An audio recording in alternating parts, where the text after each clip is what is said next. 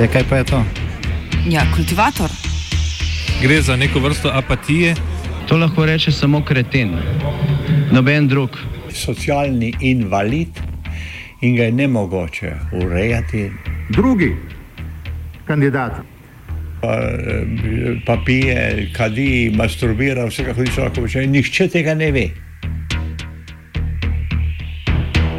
Vsak petek skultiviramo dogodek tedna. Lahko po kriterijih radio študent, težko pa po evropskih kriterijih. Ampak na drug način, kot vi to mislite. Kultivator vedno užge. Da pač nekdo sploh omenja probleme, ki so, in da pravzaprav sploh nekdo sproži dogajanje uh, v družbi. To drži, drži.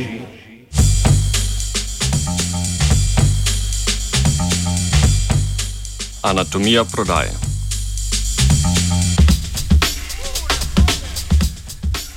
V preteklem tednu je javnost precej razburjalo dogajanje okrog Luke Koper in natančneje odločitve slovenskega državnega holdinga, da zamenja tri od petih tankašnih državnih nadzornikov.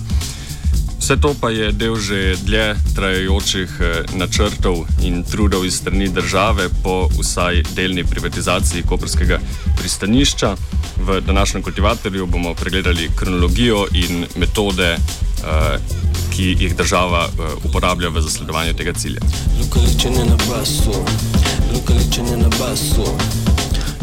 Kmalo po nastopu vlade, oziroma v začetku lanskega leta, je Ministrstvo za infrastrukturo začelo zagovarjati model javno-zasebnega partnerstva za izgradnjo drugega tira med Koprom in Divačo. Trdilo je, da izgradnja tega tira z javnim denarjem preprosto ni mogoča.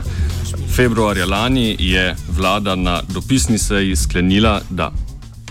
Realizacija gradnje drugega tira z javno-finančnimi viri zaradi nujnih drugih investicijskih projektov, ki morajo potekati usporedno na cestni in železniški infrastrukturi v obdobju finančne perspektive 2014 do 2020 z vidika makrofiskalne konsolidacije ni izvedljiva.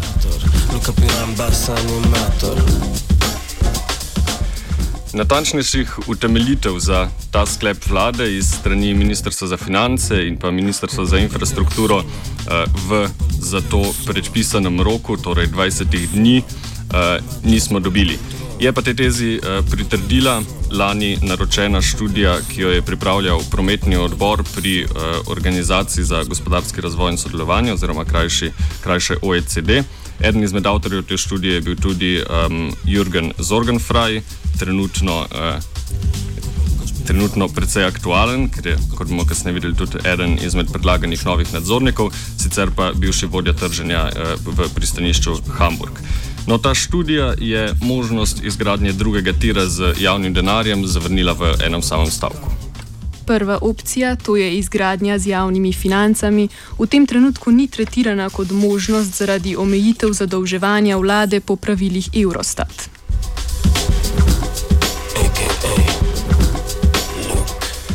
Na to je pa vlada v začetku tega leta začela omenjati možnost povezave eh, koncesije za izgradnjo drugega tira z podelitvijo koncesije za izgradnjo tretjega pomola v Koperskem pristanišču. Eh, s tem bi se eh, upravljanje, kasne, najprej izgradnja, potem pa tudi upravljanje tretjega pomola preneslo na nekega zasebnika. Uh, tu nastopi jasna povezava med uh, temi javno-zasebnimi načrti za izgradnjo drugega tira in pa um, ciljem uh, privatizacije Luke Koper. Ampak trenutno ima Luka Koper v koncesijski pogodbi že pravico za izgradnjo tretjega pomola in država bi za ta korak potrebovala soglasje uprave Luke.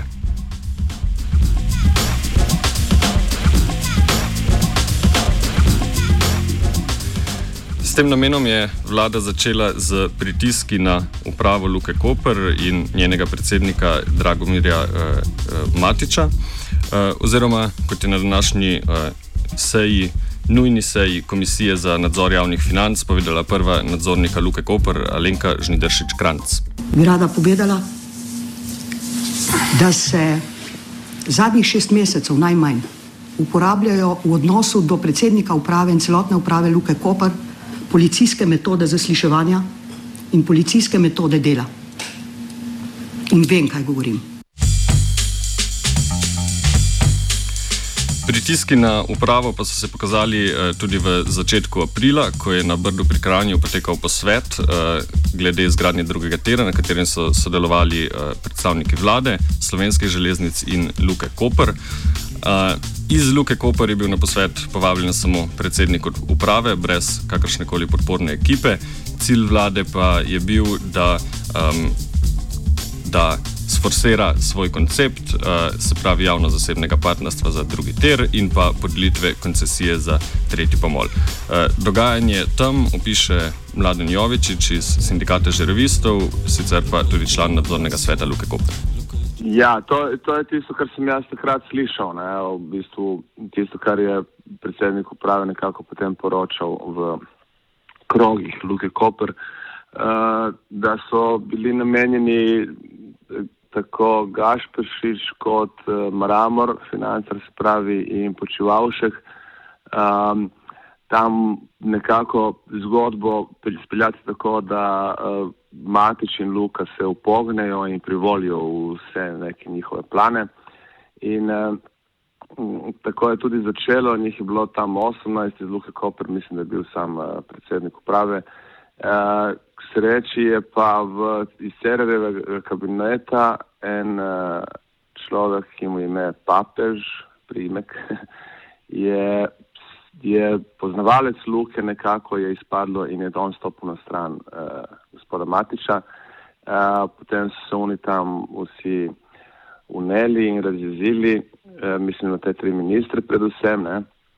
In uh, potem se je zadeva nekako obrnila v prid Luke, ampak očitno samo začasno. Uh, Rezultat tega posveta je bil sledeč. Uh, Matič je sicer uspel uh, iz skupne izjave umakniti kakršno koli omembo uh, podeljevanja koncesije za tretji pomol, kljub temu pa je v izjavi ostala podpora javno-zasebnemu partnerstvu, ki, kar je sicer v nasprotju z dotedanjimi, uh, dotedanjim stališči, stališči uh, Luke Koper do izgradnje drugega tira. Nekorektnost izpeljave tega posveta pa je na današnji seji v parlamentu opisala tudi Alenka Žnideršič-Kranc. Vezano na projektni svet, ki je bil ustanovljen potem, ko je gospod Matič vse dan pred celi vladi pojasnjeval dileme in probleme Luke Koper, je bil, mislim, da sklican enkrat ali dvakrat. Zapisnik prvega sestanka je bil posredovan vsem deležnikom iz tega sestanka kot državna skrivnost. In je v kontekstu tega Luka Koper ugotovila, da so prejemniki dokumentov sploh nimajo, bi rekla, pooblastil za sprejem tega zapisnika, ga je vrnila Ministrstvu za infrastrukturo in vrnila vse dokumente v tej povezavi, ker nima na razpolago dovolj takšnih prostorov, da bi lahko zagotovila varovanje državne varnosti, državnih tajnosti.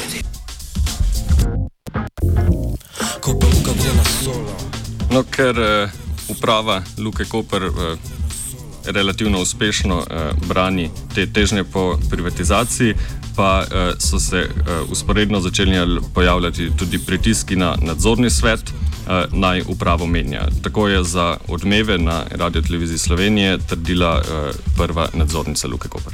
Imela sem klic ministra za uh, Gašpršiča v povezavi s tem, da moram gospoda Matiča zamenjati. In sicer zaradi dveh stvari. Prva, ker ne dovoli oziroma ne podpiše uh, vstopa Luke Koper v holding, za kar njegovega podpisa mimo grede sploh ne rabi. In druga zadeva, zato, ker ne pristaja na to, da odpre koncesijsko pogodbo. Odpiranje koncesijske pogodbe pa pomeni uh, možnost delitve območja, na katerem dela Luka Koper v tem trenutku, na dva dela, kar posledično pomeni, da bi Luka Koper zmanjšala si možnost obstoja in delovanja, nekdo drug bi pa na istem območju uh, ja. pač stvari pelil naprej.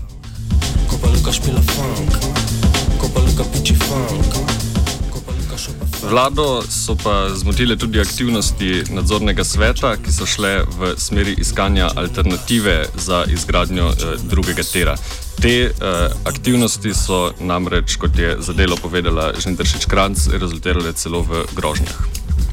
Izdelali smo kratek investicijski elaborat z nekaterimi predpostavkami in izhajali, da potrebujemo 800 milijonov evrov.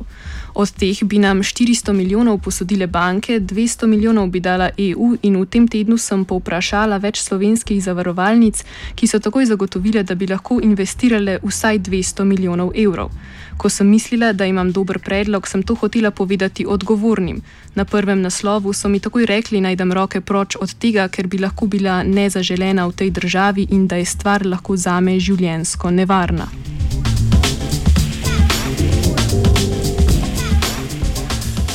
Prisotnost groženj je Žnidaršič Kranc potrdila tudi v odmevih. Nekako se je razširilo, da vam grozijo, vam res uh, grozijo.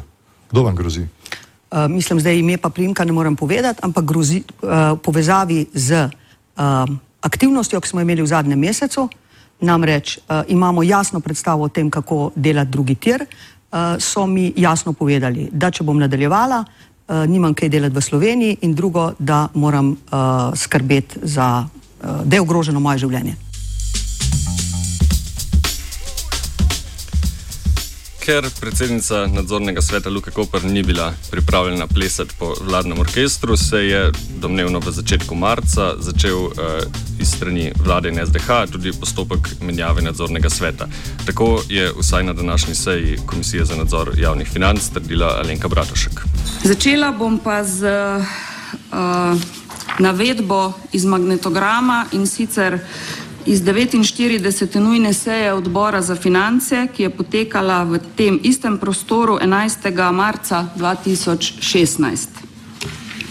Moje vprašanje uh, predsedniku uprave Marko Tojazbicu se je glasilo takole.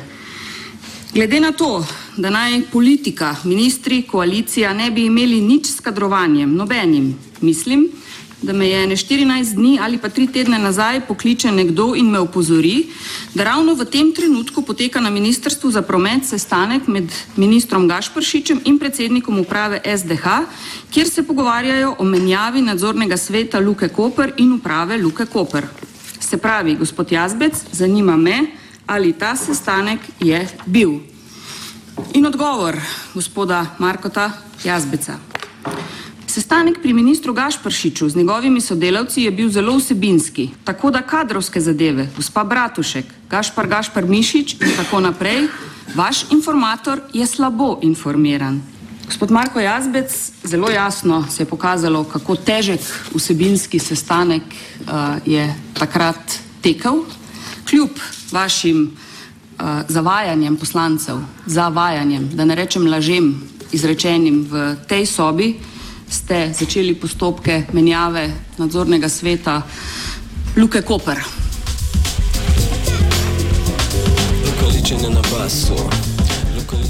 Predsednik uprave SDH Marko Jazvec sicer očitke Lenke Bratušek eh, še vedno zanika. Ne glede na to, kdaj se je začel postopek eh, menjave nadzornikov, pa je dejstvo, da je SDH pred dvema tednoma predlagala eh, zamenjavo treh nadzornikov in sicer Alenka Žnidaršič Kranc, Andreja Šercega in Ellen Tvrdi.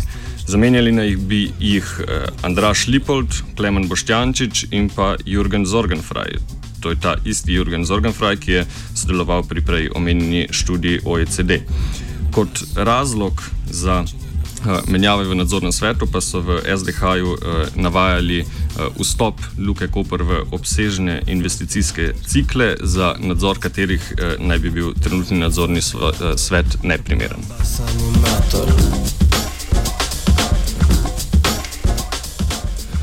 Napovedane menjave so uh, močno razburili tako strokovno kot eh, laično javnost. Eh, širše vodstvo Luke Koper, ki ga sestavljajo vodje organizacijskih enot v podjetju, je eh, zato na vlado eh, naslovil odprto pismo. V njem so med drugim zapisali. To, da družba vstopa v nove obširne investicijske cikle, vemo, saj smo si te cilje zasta sami zastavili. Obstoječe zmogljivosti nam je namreč uspelo dobro zapolniti, zato načrtujemo nove. Mi smo vam povedali, kakšni izzivi nas čakajo, zato je absurdno, da v tem trenutku vi na to javno opozarjate. In še? Zahtevamo, da prenehate zavajati in da javno predstavite namere države z Luko Koper in pristaniščem. Če družbo posredno ali neposredno prodajate, povejte naravnost, da tega ne počnete zaradi slabega vodenja ali slabih rezultatov, saj naša družba dosega vsa merila poslovne uspešnosti, temveč zaradi nekih drugih ozadij in ciljev, ki nam jih niste nikoli razkrili. Če pripravljate podlage za holdinške povezave, pristaniško upravo in podobne spremembe, ker rešujete druge neučinkovite državne strukture ali izpolnjujete parcialne interese neznanih ozadij, poudarjamo, da gre za škodljive posege za Luko Koper in edino slovensko pristanišče.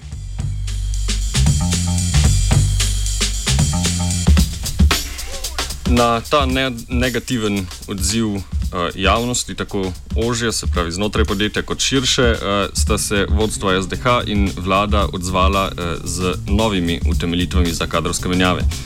Ti, te utemeljitve pa, kot se je izkazalo včeraj, temelijo na lažnih podatkih. Kot ključni razlog so namreč navajali prekomerno pričakovano rast stroškov dela. Podatki, ki naj bi to utemeljevali, pa eh, niso pobrani iz podatkov družbe, temveč iz analize, ki jo je pred, nekaj, eh, pred kratkim pripravila Nova Ljubljanska banka. Ta analiza pa je vključevala napako. Na zavajanje se je odzvala tudi uprava Luke Koper, ki je pojasnila. Avtor analize je na mesto stroškov dela navajal stroške amortizacije in na podlagi napačnih podatkov pripravil predvideno rast stroškov dela do leta 2019, ki je posledično zgrešena. Kaj pa je na to temo na današnji uh, seji uh, v parlamentu povedala Alenka Žindršič-Kranc? Bi rada povedala, da uh, vsi ki sem jih imenovala, zavajajo javnost oziroma drugače lažejo. Tudi danes je bilo izrečenih nekaj laži, bez v povezavi s tem bi rada omenila najmočnejšo v povezavi s stroški dela. Uh, ne vem, če ste zasledili, ampak to, kar se je zadnje dva dni manipuliralo z rastjo stroškov dela, je povezano z analizo, ki je bila objavljena na Siolnetu, ki jo je pred dvemi dnevi dala ven Nova Ljubljanska banka ki je danes objavila na Siolnetu, da se je zmotila, ker čudežno, ne so se zamenjale dve vrstici in imamo pod stroške dela amortizacijo, pod amortizacijo pa stroške dela ne, in s tem operiramo kot dokazovanjem neuspešnosti dela tega nadzornega sveta oziroma predvsem uprave.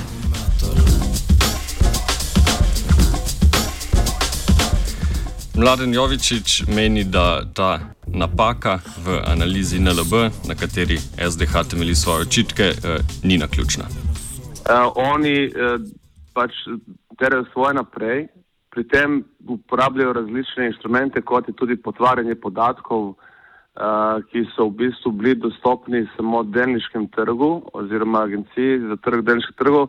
Potem so te uh, podatke napačno ugradili v neki tablici in to smo zdaj slišali, to je bilo včeraj. Zdaj se opravičujejo vsi vse preki. Samo jaz povem v NLB-ju pri tabelcah in podatkih, se ne delajo napake, razen namenoma, ne pač imajo inštrumente. Da... Predsednik uprave SDH Marko Jazbec je sicer danes v parlamentu priznal, da so bili podatki napačni, ampak je kljub temu jih eh, še naprej večkrat uporabil kot utemeljitev za kadrovske menjave. Potrjujemo, da je dinamika prihodkov prava, Ali se bo upočasnila ali se ne bo upočasnila, je do določene mere, kot ste sami tudi dobro ugotovili, gospod Bratušek, odvisno do neke mere od konjunkture, vendar menimo, da tudi Luka Koper predvsej uspešno pridobiva posle, ki jih je še do včeraj imela konkurenca.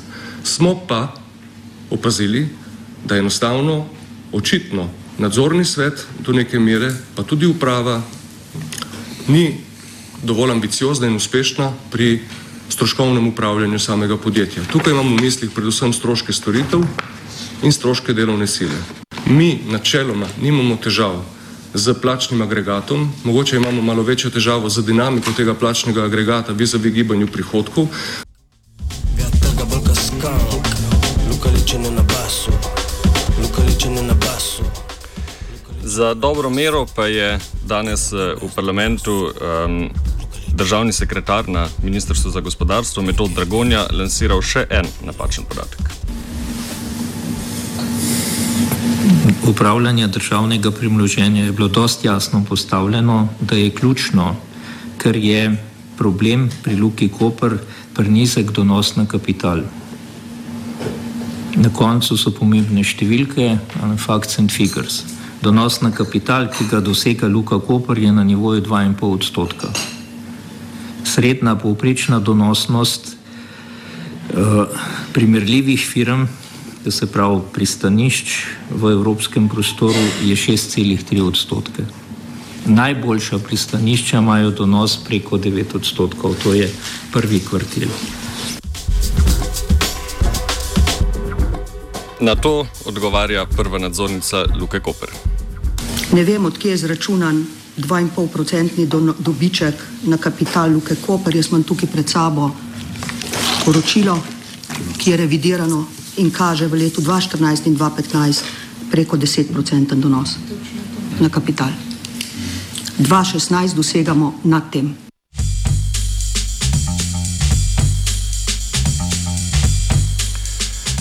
Kot se je izkazalo v zadnjih dveh tednih, država v zasledovanju svojega cilja podelitve koncesije za tretji pomol v Govorskem pristanišču in s tem delne privatizacije pristanišča uporablja vsa sredstva, začenši z povezovanjem drugega tira z koncesijo za tretji pomol v Luki Koper in potem preko pritiskov na upravo, pritiskov na nadzorni svet, menjavo nadzornega sveta in v končni fazi uh, izdajanja lažnih podatkov.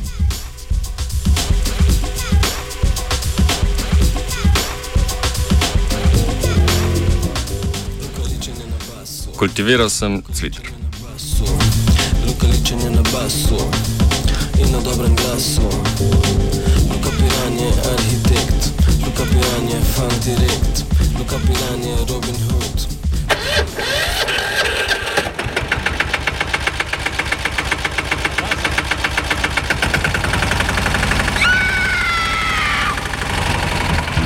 E, kaj pa je to? Ja, kultivator. Gre za neko vrsto apatije. To lahko reče samo kreten, noben drug. Socialni invalid in ga je ne mogoče urejati. Drugi kandidat.